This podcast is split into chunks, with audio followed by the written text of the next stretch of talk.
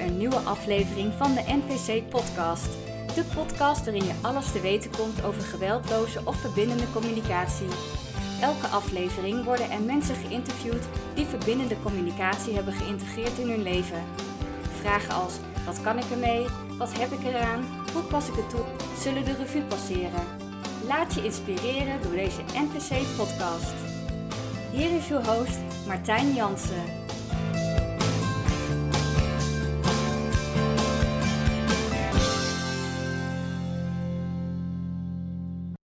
Deze aflevering van de NVC podcast spreek ik met Elkie Deadman.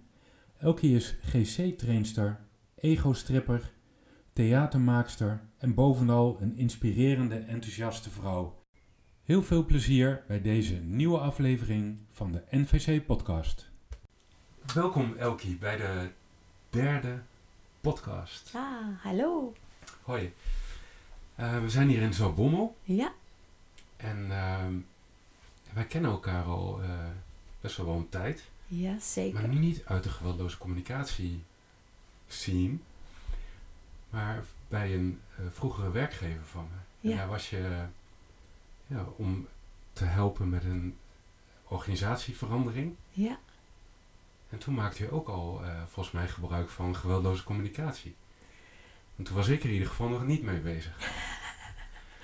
ik probeer terug te denken, Martijn. Ehm, ik kan me dat niet specifiek herinneren en ik heb een hoop dat het dat geweldloze communicatie gewoon geïntegreerd is. Dus dat dat automatisch in zo'n gesprek naar voren komt. Ehm, en als ik nu kijk in het algemeen, wat dat ook zou zijn, ehm, ben ik alert bij de meeste zakelijke gesprekken zo op twee dingen: vertragen en luisteren. En misschien drie dingen: empathisch teruggeven. Eh, dus dat is misschien een iets andere insteek dan. Nou, mensen misschien met de intentie gaan om, om een opdracht binnen te krijgen of zo. Voor mij is het meer kijken van, hmm, heb ik hier een klik, kan ik verbinding creëren, waardoor we dan iets gezamenlijks echt kunnen creëren. Ja, Ja. dus dat, dat is het. Want ik denk dat was nu, ik heb geen idee, ik denk een jaar of vijf geleden denk ik. Ik denk vijf jaar zeker, ja. En was je toen al met geweldloze communicatie bezig? Ja, ja. Kun je, Ik- daar, kun je daar iets over, over vertellen? Wat is jouw, hoe ben je met geweldloze communicatie in aanraking gekomen? Ja, dat wil ik zeker vertellen. Ehm, ah, het is een beetje een lange verhaal. Toen ik 46 je- jaar was, eh, heb ik een herseninfarct gekregen. Daarna ben ik gaan herstellen met vallen en opstaan. Het was, ik heb het al zeer, zeer zwaar. Dit was lang voordat ik iets wist over geweldloze communicatie. En ik heb het als dusdanig zwaar dat ik heel depressief werd en zelfs suicidaal. En kwam op de paas terecht voor een poosje.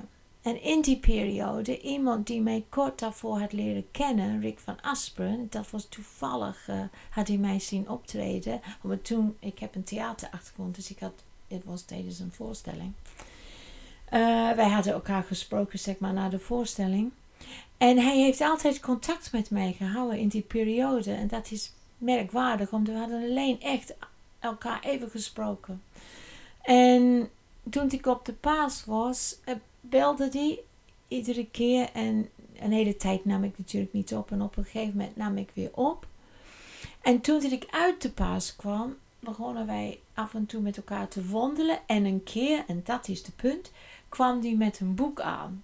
En hij zei, dit boek heb ik even gelezen en ik dacht dat is heus wel iets voor jou. En dat boek was Geweldloze Communicatie door Marshall Rosenberg. En hij had het voor mij gekocht in het Engels, was ik erg blij mee. En ik herinner me nog dat ik naar Groningen ging, hier vandaan, om een vriendin op te zoeken. En dat boek heb ik bijna uit in die rit heen en weer. Ehm, het was zo voor mij een openbaring. Ik was zo blij met wat ik las in die boek. En het ging mij om dat bijvoorbeeld na een depressie of op de paas en zo, is, zijn mensen ontzettend bezig om andere mensen te ondersteunen om weer in heelheid te komen en, en in gezondheid en veerkracht. En dat wordt gedaan in mijn beleving voornamelijk door inzichtgevende therapieën, inzicht in gedrag. En die inzicht was er zeker. En de nieuwe gedrag was er helemaal niet. dus dan kwam ik uit en dan wil ik anders leven, wil ik veel meer uh, in verbinding met mezelf, effectiever voor mezelf zorgen. En hoe doe je dat dan? De, hoe, hoe kon ik dat doen? En dit boek bood mij antwoorden. Het gaf mij een plattegrond om, oh, zo kan ik het doen. Dus dat was de eerste aha-moment. En de tweede aha-moment was ik, zoals jullie horen waarschijnlijk op deze podcast, ik ben geboren en getogen in Engeland. Ik was 25 jaar toen ik naar Nederland kwam. ben nu 63 trouwens. En ik ben opgevoed als meisje in de UK. Ik ben geboren in 1956. Om vooral heel vermakelijk te zijn, heel lief, heel beleefd en het is nooit een beetje grappig. Dat kon wel. Vooral grappig en leuk en, uh, en meisjesachtig. Dit, was, dit werd allemaal heel erg, uh, zeg maar, gepromoot. En uh, in het Engels cultuur hebben wij een heel sterk harmoniemodel. En harmonie is niet altijd zo authentiek als ik zou willen nu. um, terwijl ik ook geniet van harmonie. Ik geniet ook van helderheid, eerlijkheid, openheid en transparantie. Dus ineens zag ik een manier ook waarop ik authentiek mijzelf kon uiten, zonder iemand anders iets te verwijten. Haha! En dit had ik onbewust gezocht mijn hele leven. Ik denk, mijn hele leven heb ik intuïtief ervaren van binnen. Die taalconstructies van, hm, van ons, vanuit het Engels in ieder geval, die kloppen niet. Ik, ik kan zo moeilijk mezelf uitdrukken in de ik om het ik vorm. Het is altijd bijna de ik om het jij, zeker als ik pijn heb. En natuurlijk, die constructies zijn er, maar ze zijn niet inconditioneerd als, als, als gebruikelijk zijnde. Ja, dus je kon je, uh, en harmonie bewaken en jezelf zijn. Nou, de harmonie bewaken. Ik kon harmonie bewaken um, helder te zien als één behoefte. En als ik die ene behoefte vervul, laat ik andere behoeften liggen. Meer dan eens. Dus bijvoorbeeld zorg voor zelf is, kan in de gedrang komen als ik echt als strategie alleen bezig ben met harmonie. Dus um, het, wat ik wel ervoor was de mogelijkheid om mezelf te uiten zonder iemand anders aan te vallen. Dat was het grote verschil. En ik krijg skills aangereikt, waardoor als iemand wel schrok van wat ik zei, dat ik wel her kon verbinden. En dat ik het niet gelijk naar mezelf trok. Oh, het gaat allemaal over mij. De wereld gaat niet over mij. en dat was een hele opluchting. Oké, de oordelen van anderen gaan niet over mij. En mijn oordelen over anderen gaan over mij. Dat is de informatie die ik kan oogsten. Dus ik krijg een hele nieuwe plattegrond in gedrag na een persoonlijke crisis. En ook een plattegrond die mij ondersteunde om mijn oude conditionering los te laten en te stappen in een nieuwe bewustzijn. Ja. Als ik het zo kan je hebt, uh, je hebt een paar keer genoemd dat je ander gedrag bent gaan ontwikkelen. Ja. Welk gedrag had je voor de metamorfose? Ik weet niet of het metamorfose is, maar wat voor gedrag had je eerst wat niet helpend was? Want dat hoor ik een beetje erin. Ja. En hoe is jouw gedrag veranderd? Ja. Door het blauwe boek. Ja, um, ja, er zijn zoveel dingen. Ik probeer even mijn gedachten op orde te brengen. Um, nou, laten we beginnen met het voorbeeld: mijn harmonie bewaren is een strategie. Dus bijvoorbeeld, iemand zou iets tegen mij kunnen zeggen en dan had ik angst om te uiten wat dat met mij deed. Um, en dan wat meer dan eens gebeurde, was een soort spinsel in mijn hoofd, wat ik noem een muppet, naar aanleiding van diezelfde vriend van Asprey.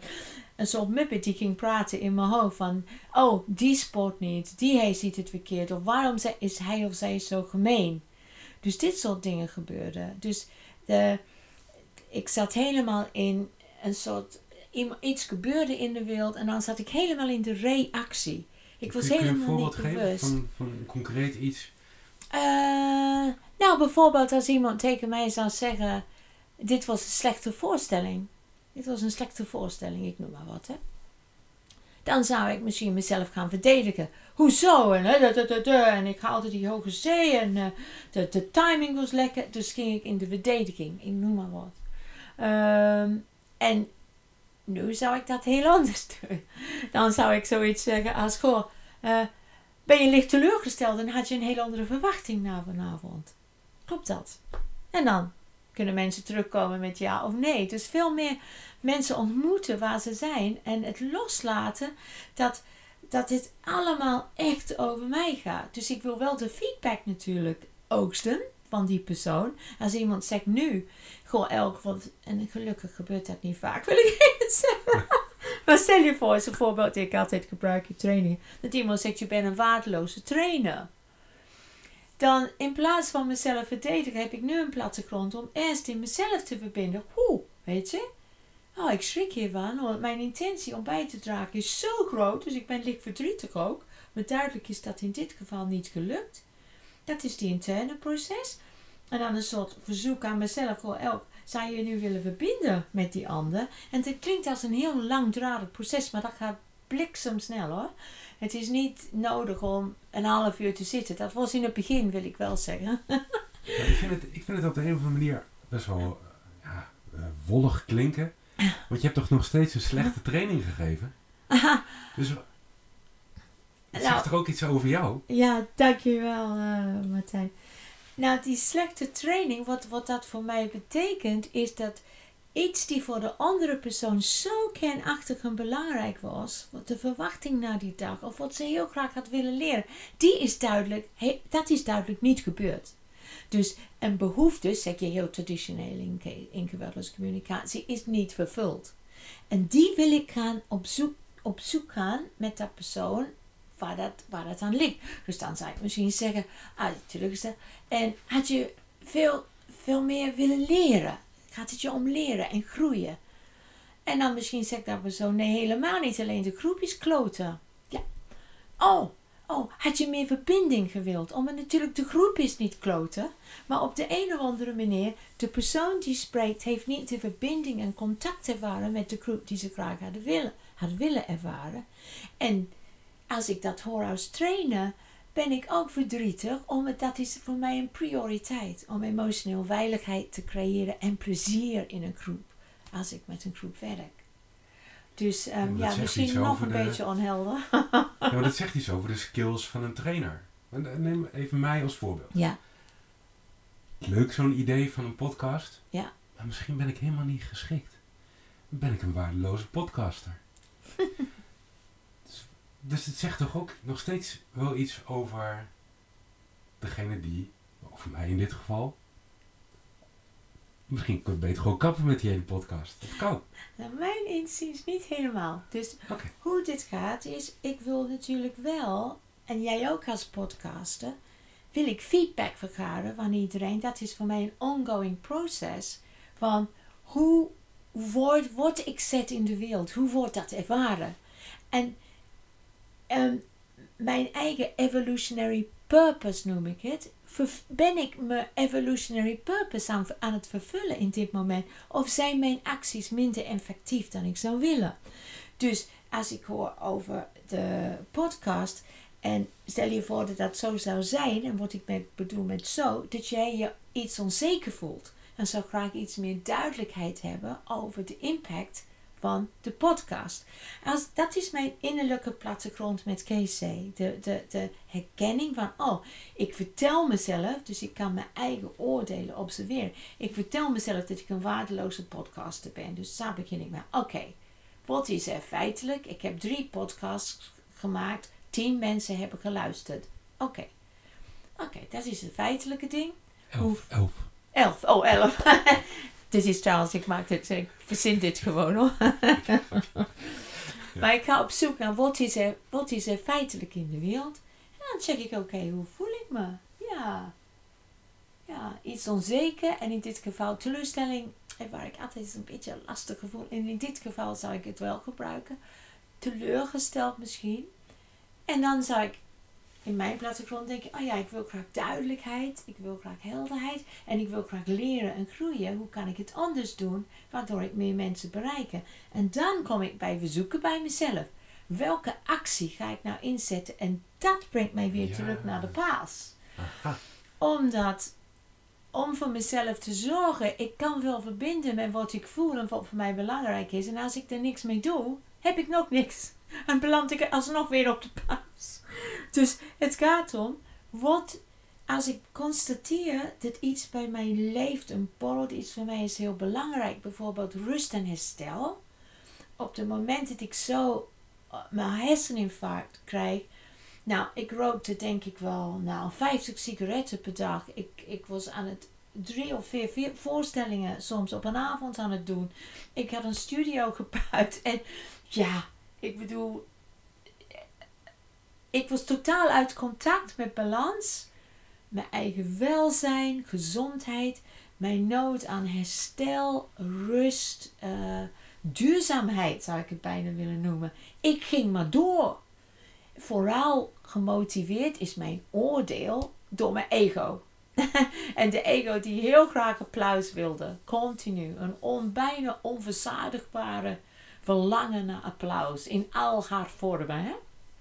Dus zonder die plattegrond van GC was ik er niet van bewust, omdat ik blijf een soort van in mijn hoofd. De mensen kunnen dat niet zien, maar ik heb mijn handen nu om mijn hoofd heen. Een soort van hoe onze hoofden. Dat ik kan bijna vergeten dat ik een, een lijf heb die eronder zit. En, en dan gebruik ik mijn lijf alleen om mijn hoofd te sjouwen van de ene plek naar de andere en de ene strategie naar de andere. Dus ehm, die, dat innerlijke plattegrond die GC mij heeft gegeven, ik kom dan bij wat voor mij belangrijk is en dan kijk ik hoe ik het kan creëren of hercreëren. Als ik heel blij ben met iets die gebeurd is, dan kan ik het ook hercreëren.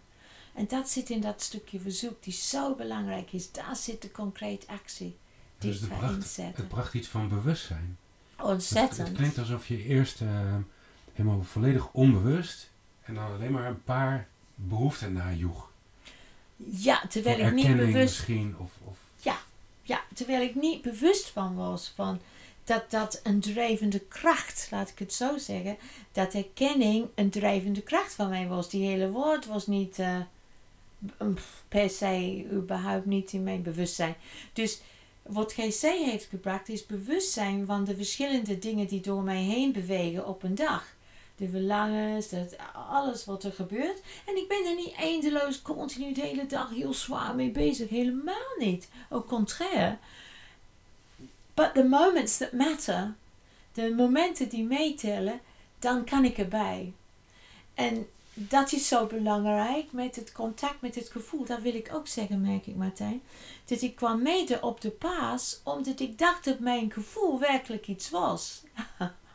dus eh, ik kon gewoon een gevoel ervaren en daar blijf ik in hangen. En dan word, je, word ik, ik houd bij ik, meer dan eens geestelijk onwel. Omdat een gevoel voor mij, heb ik ontdekt nu, is maar een stapsteentje. Het is maar een rode lamp op mijn dashboard, noem ik het altijd. Om te zeggen, oh, wacht even, iets, is, iets gebeurt nu op een heel andere level. Eigenlijk op behoefteniveau. En dat kan zijn als ik heel blij ben of zo, dat een behoefte vervuld is. Als ik verdrietig of angstig ben, dan is er iets anders aan de hand die aandacht nodig heeft. En ik hoef niet in mijn gevoel te blijven. Het zijn alleen clues, een soort Sherlock Holmes. Er is iets daaronder. Dus nu stap ik, ik, ik, ik, ik merk dat die dashboardlamp flitst. En maak ik verbinding mee en ik stap er zo door. Maar ik blijf niet in dat, ik ben verdrietig, ik ben verdrietig, ik ben verdrietig. Ja, so what? I'm saying it a bit rudely. But die verdriet aan zich, dat komt en dat gaat. Net zoals blijheid, eh, joy, al die dingen. Het komt en het gaat. En wat komt en gaat op gevoelsniveau is zo gelinkt met die behoeftes. En daar, daar wil ik alert op zijn. Maar hoe kan het dan dat, je, dat mensen daar eh, soms in kunnen blijven hangen? Ik heb ook wel periodes, als de da- dagen wat, eh, wat donkerder worden, Ja. dan komt er iets meer neerslachtig. En ik, ik hoor het ook een beetje dat, dat jij ook wel perioden hebt gehad. Dat je, dus je, je kan op een bepaalde manier wel in een bepaalde sentiment of een bepaald gevoel blijven hangen. Hoe kan dat dan? Ja. Als je, eh, kan het niet rijmen met het wat je vertelt, dat, dat het komt en gaat? Ja, en ik vertel mezelf, als een gevoel lang aan blijft houden, wordt het gevoed door gedachten. En die heb ik ook. Tuurlijk. Aha. Dus ik was laatst heel verdrietig, omdat een relatie van mij stond onder spanning. En eh, ja, er waren allemaal gedachten daarbij. Van eh, hij geeft niet om mij, hij doet niet genoeg voor mij. Vol met muppets of oordelen. En dan blijft dat verdriet triggeren. Natuurlijk. Dus de kunst is ook. En, en het is ook oké voor mij dan, voor, voor mij met mezelf, om te herkennen: oké, er zijn doormalende gedachten en daar kan ik naar kijken en ik kan ze niet altijd verbannen. Ik wil proberen, en er is no garantie voor de toekomst, ik probeer mezelf niet in kwijt te raken. Omdat zo word ik dan ja, geestelijk onwel. Aha. Zo Dus kan ik suicidaal zijn de- worden. De, de gedachten zijn de stimulans voor je gevoel. Ja, en die gedachten komen uit natuurlijk een behoefte. en die behoefte van mij in die gebroken relatie was verbinding, tederheid, intimiteit, weten dat ik meetel. Oh god, een heel myriad van behoeftes. En die zijn allemaal te vervullen op andere manieren. En mijn geliefde is mijn voorkeurstrategie. En is dat, is dat misschien ook iets waar je, of in zijn algemeenheid, waar een, een, een tekort op is geweest, dat je dat extra najaagt? Een bepaalde behoefte? Of kun je het... Dat durf ik niet te zeggen. Dat, dat komt meer op een therapeutisch terrein waar ik geen ervaring in heb. Eh, zelf kom ik niet verder dan gewoon kunnen erkennen de link tussen de behoefte, de doormalende gedachten, zeg maar, die die, die verdriet doen aanhouden. Ja. En mijn eigen mogelijkheden toch wel in die verdriet. Wat ga ik nou doen? Dus die eerste vier dagen, ik had dit relatie uitgemaakt. Mijn, om het heel kort, is een leuke anekdote. Mijn geliefde zei, I have no words. And I said, I have a word and it's goodbye in English. Yeah? So, goodbye. And I put the phone down. Zo hartstikke getriggerd en en boos en niks geest hoor. Gewoon volledig in mijn on, mijn on, what is the word? Totaal in reactie. Dus niet, ik, ik had geen mogelijkheid op dat moment om in een respons te komen. Dus I've got a word and it's goodbye. Bam. Oké. Zo, daar zitten we net voor de lockdown. Dat begon op de zondag en dit was op de vrijdag. En zondag, ik was heel verdrietig. Omdat dit is niet wat ik wil. Het was uit frustratie. Ik wil juist verbinding, nabijheid, dit soort dingen. En ik, ik had een strategie ingezet die precies het tegenovergestelde veroorzaakte. Dus, eh, ha, ja, dat is mens zijn, hè, mensen. Ja. En ik heb in die eerste twee dagen, die vrijdag en die zaterdag en die zondagochtend tot die zes uur dat de lockdown begon, eh, heb ik eh, strategieën ingezet gelijk. Dus eh, heel veel lopen, heel veel mediteren, zitten naast mijn verdriet, het observeren, erbij zijn, ehm, dit soort dingen. En een soort dagritme erin. Heel automatisch bijna. Gewoon, ik ben dan na de paas heel gedisciplineerd en na GC over hoe zorg ik voor mezelf in dit soort momenten. En dan kwam de lockdown. En toen kwam ik in de besef met achterliggende gezondheidsklachtjes. Maar oh ja, ik zou dood kunnen gaan. En dat is oké voor mij. Dat was oké voor mij. En ik heb wel dingen geregeld met mijn kids en zo. Dat zij weten, ik wilde niet op de IC terechtkomen. Ik wilde gewoon, als ik het krijg en ik heel ziek ben, laat mij maar gewoon gaan. Dus dat was dat. Dat was allemaal geregeld. Toen ontspande ik. En toen realiseerde ik me, huh? En dit was nu, we hebben het nu over de dinsdag, denk ik. Na de lockdown op de zondag. Ik dacht, huh? Maar dan probeer ik daar lekker dood, dood te gaan. En ik heb, ik heb mijn geliefde niet gesproken. Dat kan niet. Ja. Ik kan niet doodgaan. Ik kan niet doodgaan, zo. en je ziet, ik heb een thea- theatrale achtergrond, hè. En op de paas heet het een theatrale persoonlijkheid. Oh. dus iemand die die dingen heel intens voelt en ja, zo. En het is, eh, dus voor mij, er was dit realisatie, oh ja, you know, I, this, is, this is just awful. I can't be a part. Ik wil zo graag niet weg zijn van mijn, de mensen van wie ik hou in mijn leven. En ook dit persoon. Dus toen heb ik uitgereikt. In een e-mail en gezegd van, goh, meestal tot vrienden komen in deze situaties duurt even aardig wat maanden. En we wisten altijd dat dat zou wel gebeuren een keer. En hoe is het voor jou als we dat proberen versneld te doen, gezien de situatie? Hij is ook 71. Ja. Dus, eh, en toen, eh, hij kwam gelijk terug, ja, ja, ja, ja, ja. En natuurlijk binnen twee dagen waren we weer in liefdestaal aan het praten, omdat het is nog niet klaar met die persoon. Weet je, dat herkennen we. Het was een crisis in de relatie en COVID heeft dan iets een, meer tijd gegeven samen, zeg maar, om het uit te werken. Ja, want je, geeft, je gaf aan dat je dus in de relatie eh, liep het niet helemaal meer. Nee. Daar was je boos over, of misschien verdrietig. Ja. En toen ben je andere dingen gaan doen. Ja. En dat noemde je strategieën. Maar ja, wandelen, maar, maar heeft dat nog met elkaar te maken dan? Ik bedoel, Ja, ja. Ja, omdat ik was verdrietig dus. Hè? Ja. Ik was verdrietig en heel verdrietig. Heel erg verdrietig. Eigenlijk omdat natuurlijk de strategie die ik ingezet had... was totaal averechts op de onderliggende behoeften... van die nabijheid, die Ja. intimiteit en zo. Maar ik had gezegd goodbye. Dus ja, dat leidt niet tot wat ik wil.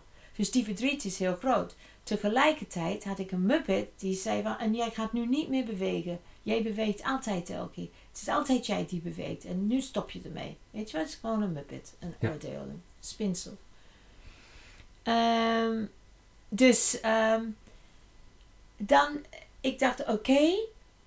ik ga nu gewoon voor mezelf zorgen. Ik, ik, ik kan voor mezelf zorgen. Ook in dit soort tijden. En toen ben ik gaan lopen. Mediteren. Ik bedoel, dat doe ik altijd. Ah. Maar daar heb ik verhoogd. En in meer structuur gezet. Een structuur, ja. dus je ging andere manieren ontwikkelen om, om voor Met- zelfzorg. Ja. Om je weer prettig te voelen misschien ook. Nou, niet zozeer prettig, maar om het, om het te handelen, om er gewoon mee te dealen. Aha. Als, als iemand eenmaal suicidaal is geweest, en dat is drie keer in mijn leven, dit is de derde incident, zeg maar, heb je echt snel te handelen eh, en, en, en strategieën voor de hand te hebben. Hoe, hoe ga ik nu handelen, zeg maar. En ik heb die strategieën, mede door GC, paraat. En dit klinkt heel zwart, maar dit is de kracht van GC. Omdat je komt uit de paas met, als je weer een incident hebt, neem gelijk contact op met de dokter. En dat kan ik zeker doen, heb ik natuurlijk niet gedaan.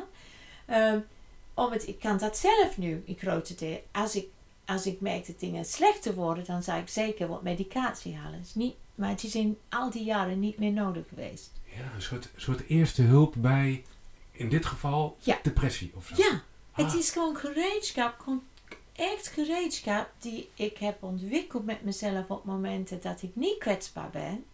En die ik dan gewoon inzet.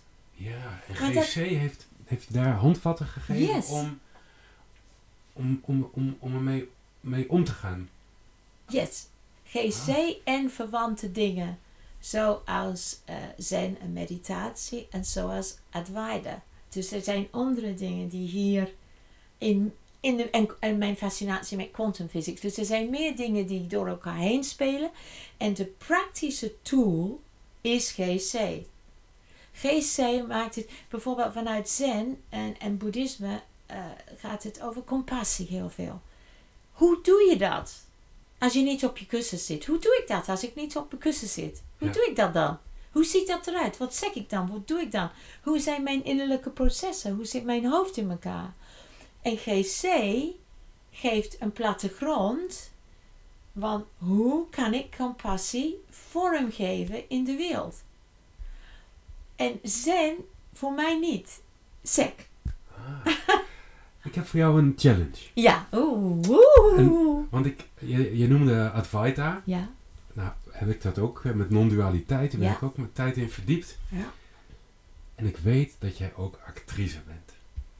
Geweest. Geweest. Ja. En, eh, want ik heb eh, eh, de film Alles over Niets, Ja. eh, heb, ik, eh, Ja. heb ik toen gekocht. En toen was er een project, Hoe is Alice? Ja. En ik wist, op de een of andere manier kwam ik jouw naam tegen. Ja. En het was een gecrowdfunde film. Ja. Dus ik denk, I put my money a little in die film. Ah, nice. Want Dan zie ik Elkie ja. als actrice. Ja. En ik had een, eh, volgens, volgens mij een soort pilot gezien. Ja. En daar zat jij in als een of andere Ja. guru op een, Ja. op een kleedje. Ik denk, nou, dat wordt leuk. Dus op een dag kreeg ik de DVD van die film in de brievenbus. Ja. Geen Elkie. Nee. Dus dit, ik kan me zo voorstellen dat je een bepaald enthousiasme hebt gehad bij die film. En eigenlijk moet, zou ik dat moeten vragen. Was je ook teleurgesteld dat je niet in die film zat? Of het is, misschien was het een tegenvaller. En hoe ga je daar dan mee om? Voor mij was het een tegenvaller in ieder geval, dat je er niet in zat. Ah, Ja. Ehm, ja, leuk. Ik, ik, En hoe past dat in met GC? Ja, ik ben ontzettend blij dat je inderdaad van die film weet. En ja, de werk die Paul doet, ben ik, ja, ja, ik geniet ervan. En ik genoot van zijn uitnodiging. Wij kennen elkaar van andere dingen, Paul Smit en ik. En zijn uitnodiging om te komen spelen. Eh, en ik genoot van de dag, van de opname. Dat was hartstikke geinig. En I think there was licht teleurstelling, but I can hardly remember. Ik krijg een e-mail van Paul op een gegeven moment. Oh Elk, de film is you know, drieënhalf uur lang. We hebben veel te veel materiaal. Dus jouw scène gaat eruit. Nou, nee, dat, dat heeft mij niet, niet echt geraakt. Oh. Het is heel klein, omdat ik had... eh, nou, bijvoorbeeld... Mijn geliefde daar in de UK had ik graag dat film willen sturen. Omdat het is toevallig in het Engels. En dan zat ik erin. Dat was grappig. Maar het was, het is, het was op dat niveau. En ik heb tegen Paul gezegd, geen enkel probleem. En ik doe graag mee een andere keer. Ehm, en ik hoor voor jou dat het wel een teleurstelling was. het Ja, lijkt nu alsof de teleurstelling voor mij groter was dan voor jezelf. ja, ja, ik denk het. Oh, ja. In dit geval. Ja, Aha. ja, ja. Nee. Ja, want ik zocht eigenlijk naar ja, een voorbeeld van hoe is eh, hoe, hoe geweldloze communicatie, zeg maar, Ja, dan eh, jouw handvatten geeft om, Ja. om zeg maar weer de, de boel op de rit te krijgen, om weer in een goede flow ja. te Ja, dit-. Maar dat, ja, Ja, toevallig was dit niet een eh, Nee. ding. En er komt nog iets bij dat ik werd betaald voor dat acteerklus ook. Dus misschien, er is zo- zo'n balans in de, de energie die gegeven is en de energie die ik opvangen heb. En mijn relatie met Paul, we zien elkaar haast nooit, maar er is altijd een hele relaxed en ontspannen klik, zeg maar. Dus ik zou altijd willen bijdragen in een project van hem. En ik kan zeker die film aanraden aan iedereen. ja, ja, ja. Ehm, dus dat is toevallig niet echt een voorbeeld dat ik denk van, oh ja, dat heeft mij echt geraakt. Ehm, wat mij wel geraakt heeft, dat kan ik wel delen, ehm, is een klant, een chief executive officer in een bedrijf die met mijn mannelijke collega sprak. Eh, zeg maar vier of vijf keer tijdens een training en mij niet sprak. En als ik iets bijdroeg in de groep, gebruikte die verkleinwoordjes tegen mij. Praatje, ehm, meisje, dit soort dingen. En daar ben ik enorm op getriggerd. Het is combi. Dus dat, dat vroeg wel eh, vaardigheid.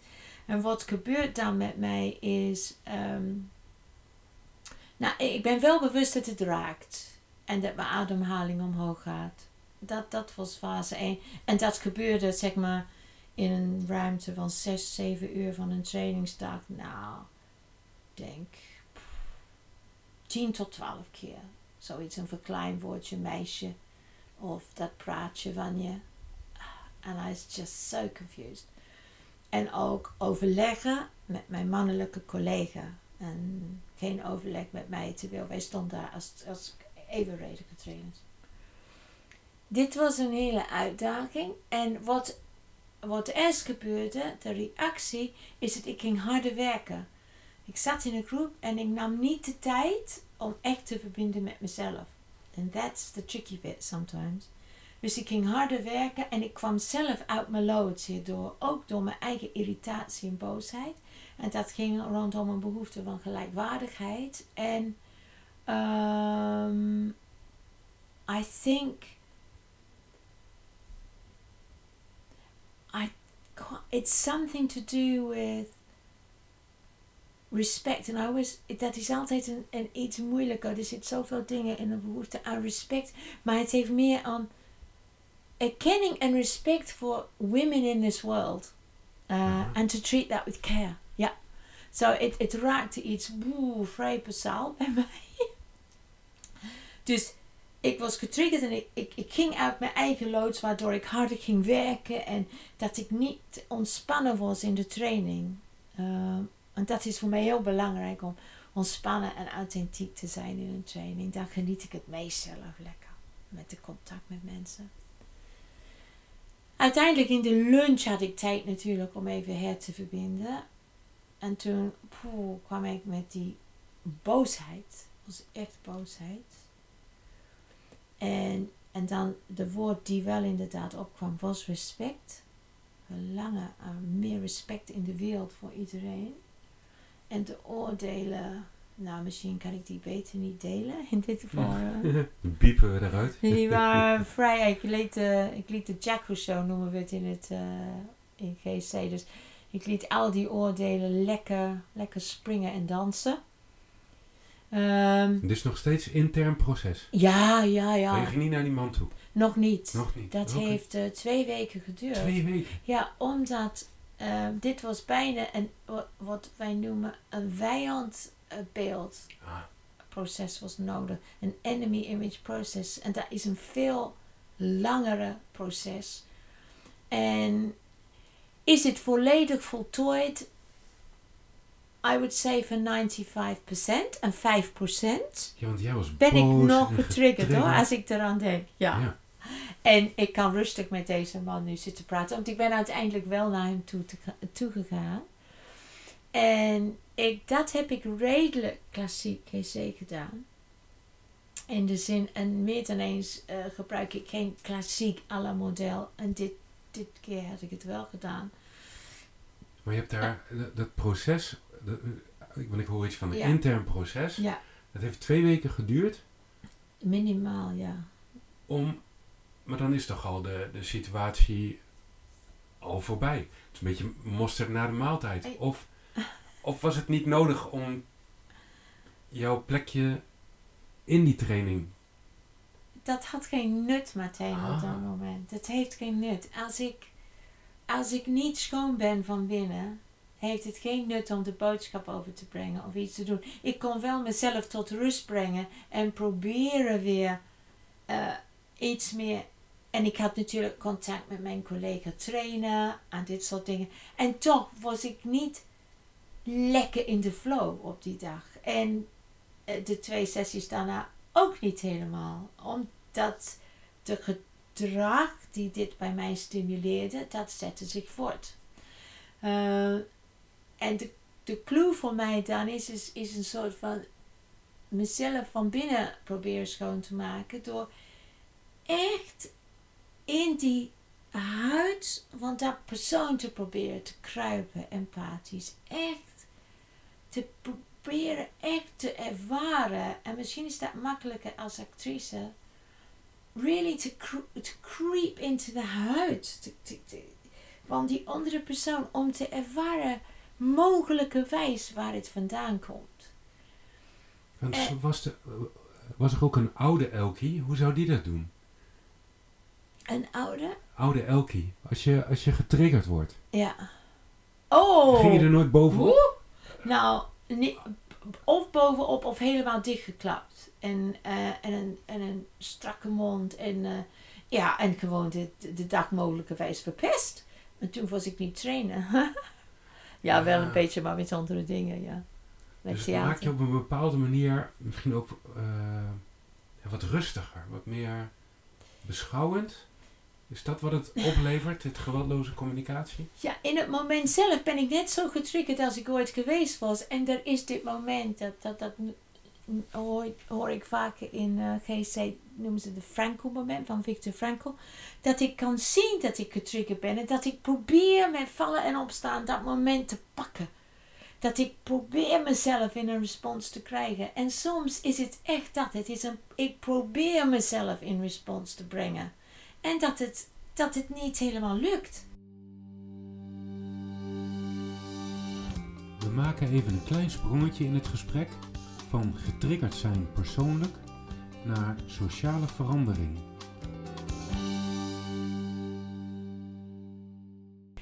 Wat ik wil zeggen is dat wat voor mij belangrijk is uh, voor een podcast, nu dit podcast, is dat er voor mij meer in geweldloos communicatie zit dan persoonlijke heling en interpersoonlijke relaties. En meer dan eens is de focus van GC op die twee dingen. Kan ik beter omgaan met mijn partner? Kan ik beter omgaan met mijn kind? Kan ik beter omgaan met mijn werkgever? Kan ik beter zorgen voor mezelf? Kan, ja? And there's another whole bit, a huge piece, die Marshall Rosenberg zo passionaat over was. En ik geloof dat dat ligt aan de kern van zijn werk.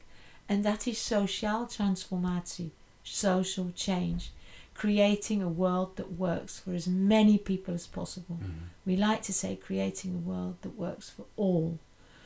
En als wij dan niet kijken naar de systemisch delen in dat wereld, kunnen we dat niet bereiken. En om die grote systemische verandering te bereiken, is ook persoonlijk transformatie nodig, mijn inziens. En interpersoonlijke transformatie in de zin van dialoog. En de besef van die veel grotere paraplu waar we allemaal in zitten. En er zijn natuurlijk een heleboel systemen in onze wereld. We kunnen ze allemaal benoemen. Als een soort druppel-effect. Ja, but you know, you can think of capitalism or you can think of any ism. They're all systems. You can think about bureaucracy. They're all systems. The education system. Uh, we leven erin en die. We kunnen tot de die ook mee veranderen. Heb ik minder hoop dan ik zou willen. Dat we kunnen creëren a world that works for more people, let alone for as many, many people as possible, let alone for all.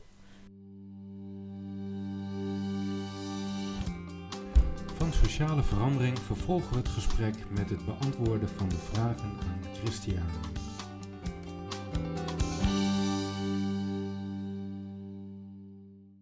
Klein bruggetje wou ik nu maken, want ik wil zo ook naar een afronding. Je hebt een aantal keren het woord creativiteit gebruikt. ja. En laat nou Christian Zand ah. daar een vraag over hebben. Oh, dat dus. had ik kunnen verwachten natuurlijk. Als Chris en ik samen zijn, zijn wij vaak, vinden wij elkaar op creativiteit. Ja, ja oké. Nou, ik, um, ik pak hem er ook even bij. En dit is zijn vraag. Dan start ik even de opname. Lieve Elkie, hoe hangen uh, creativiteit en verbinding met behoeftes voor jou samen? Zit daar, zit daar voor jou een... Uh, een link. En kun je daar iets over zeggen, zodat misschien luisteraars van deze podcast ook concrete handvatten hebben om zelf creativiteit te ervaren als ze in een lastig gesprek zitten, bijvoorbeeld van hoe kom ik daar nou uit? Of als ze een gesprek te voeren hebben van hoe pak ik dat aan? Hoe zouden ze die creativiteit die ik bij jou zo bewonder ook uh, kunnen laten groeien? In relatie tot die behoefte. Ja. ja. Nou, kun je daar iets mee? Ah, ja. Dank je, Christian, wil ik zeggen. En ik merk dat ik was zacht als ik je stem hoor. Ja. Ik denk aan veel tijden dat we samen hebben gespeeld in training en zo. Um, creativiteit en behoefte. Dat, dat heeft mij een beetje ik associeer creativiteit meer van de stap behoefte naar verzoeken. Eh, in de zin van in dat verzoekstuk zit ik echt volop in mijn creativiteit. En ik wil altijd denken. Ik zeg tegen iedereen, you know, dare to dream. What's the most wonderful thing that could happen now? And just try asking for that. So really out of the box denken en gewoon durven te denken, wat wil ik nou echt? En dat durven te verwoorden in eigen hoofd. Dat is al een begin. En dat is niet christen vraag. Christen vraag is creativiteit en behoefte. Zo ja, ik denk dat hoe ik dat doe soms is bijvoorbeeld als ik wandel. Dan net wat ik beschrijf met die CEO, die meneer waar ik een, een uitdaging mee ervoer, met die verkleinwoordjes en zo. Dan acteer ik mij in hem. dus dan ga ik wandelen en dan neem ik een soort gok van: oké, wat zou nu bij hem nou bezig kunnen zijn? En dan laat ik hem praten door mij. En het is natuurlijk niet hem, dus het is maar een gis. Het is niet dat ik denk: zo is die. Ik ben gewoon empathisch aan het gissen. Wat zou daar nou kunnen zijn? En als die met mij zou praten, wat zou die zeggen? En wat, wat probeert hij eigenlijk te zeggen als die die verkleinwoordjes gebruikt?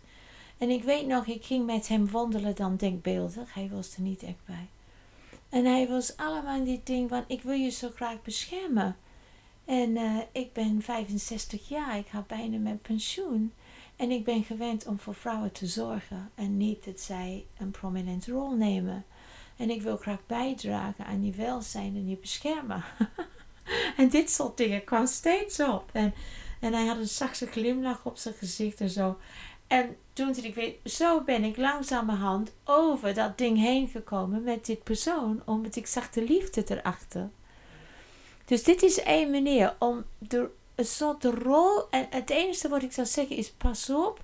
Ik pas op dat ik niet denk dat het waar is. Het is ik gebruik het alleen om mijn hart open te doen uh, gaan.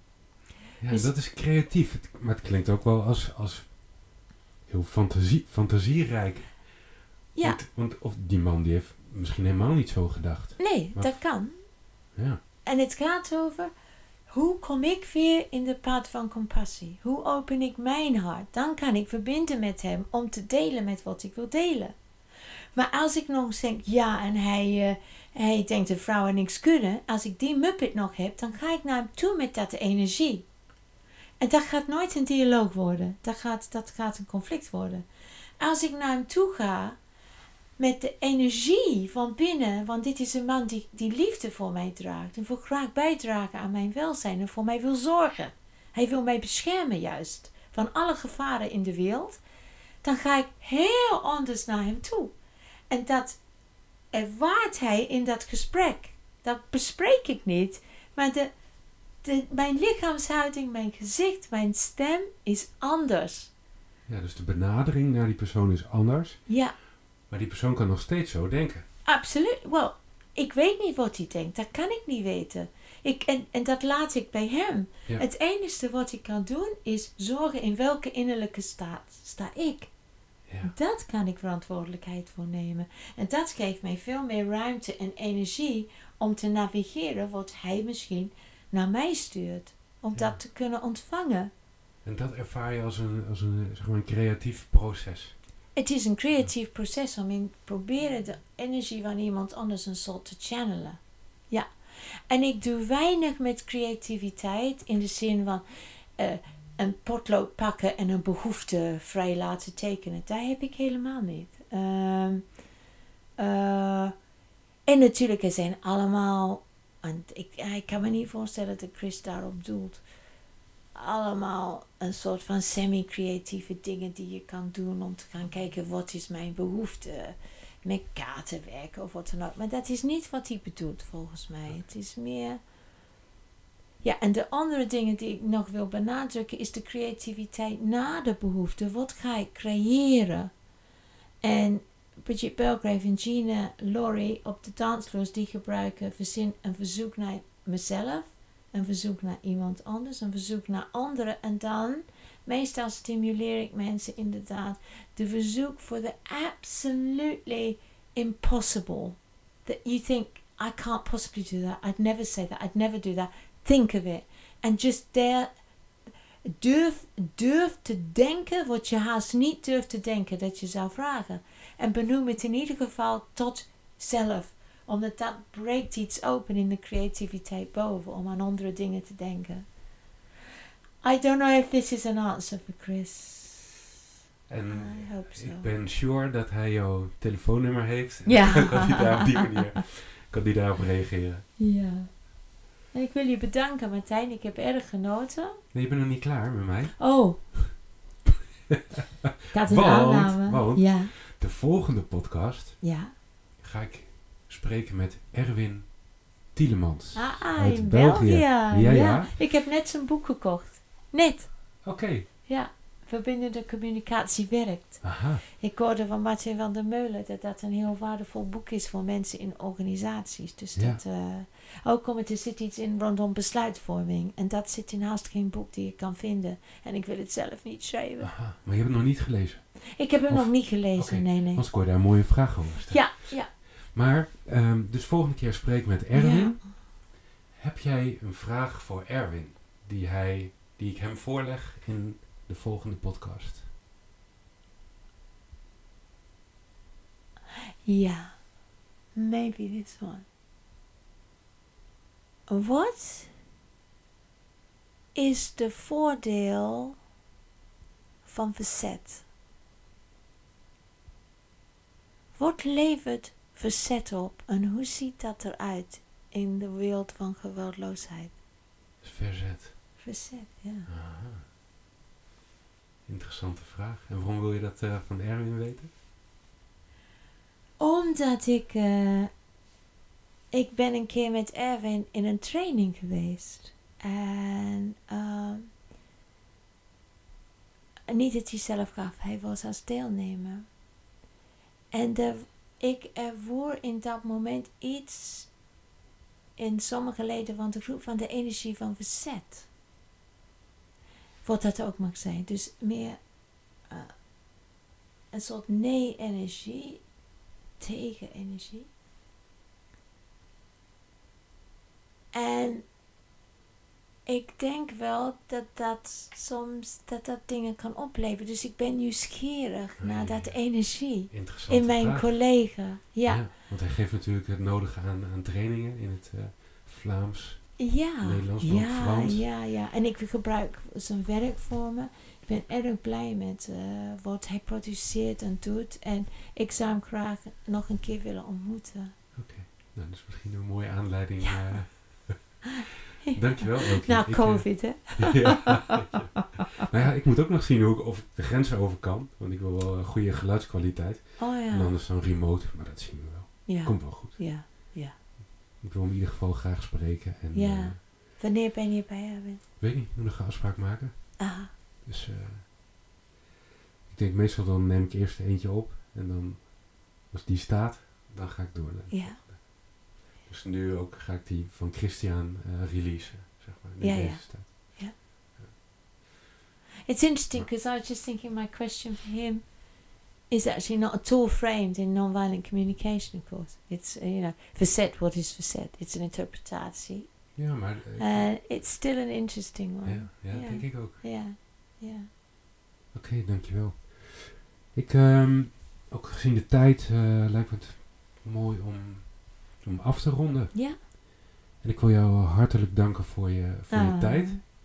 En ik, heb, eh, ja, ik, ik vind het heel fijn om je gesproken te hebben en gezien te hebben weer een keer. Ja. Op veilige afstand. Hier in Zaltbommel. Ja. Ja.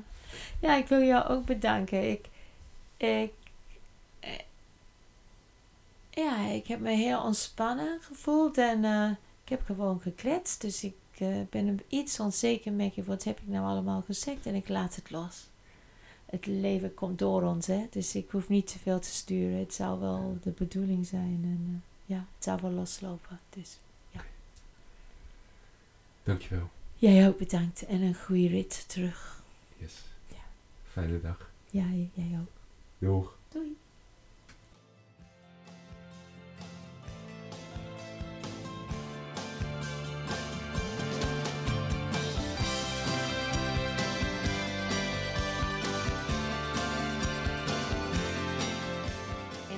Dan weer de NVC Podcast. Ik hoop dat het je plezier heeft gebracht en je geïnspireerd bent geraakt om verbindende communicatie in praktijk te gaan brengen. Graag tot de volgende aflevering van de NVC Podcast met weer een interessante gast. Een fijne dag en tot gauw!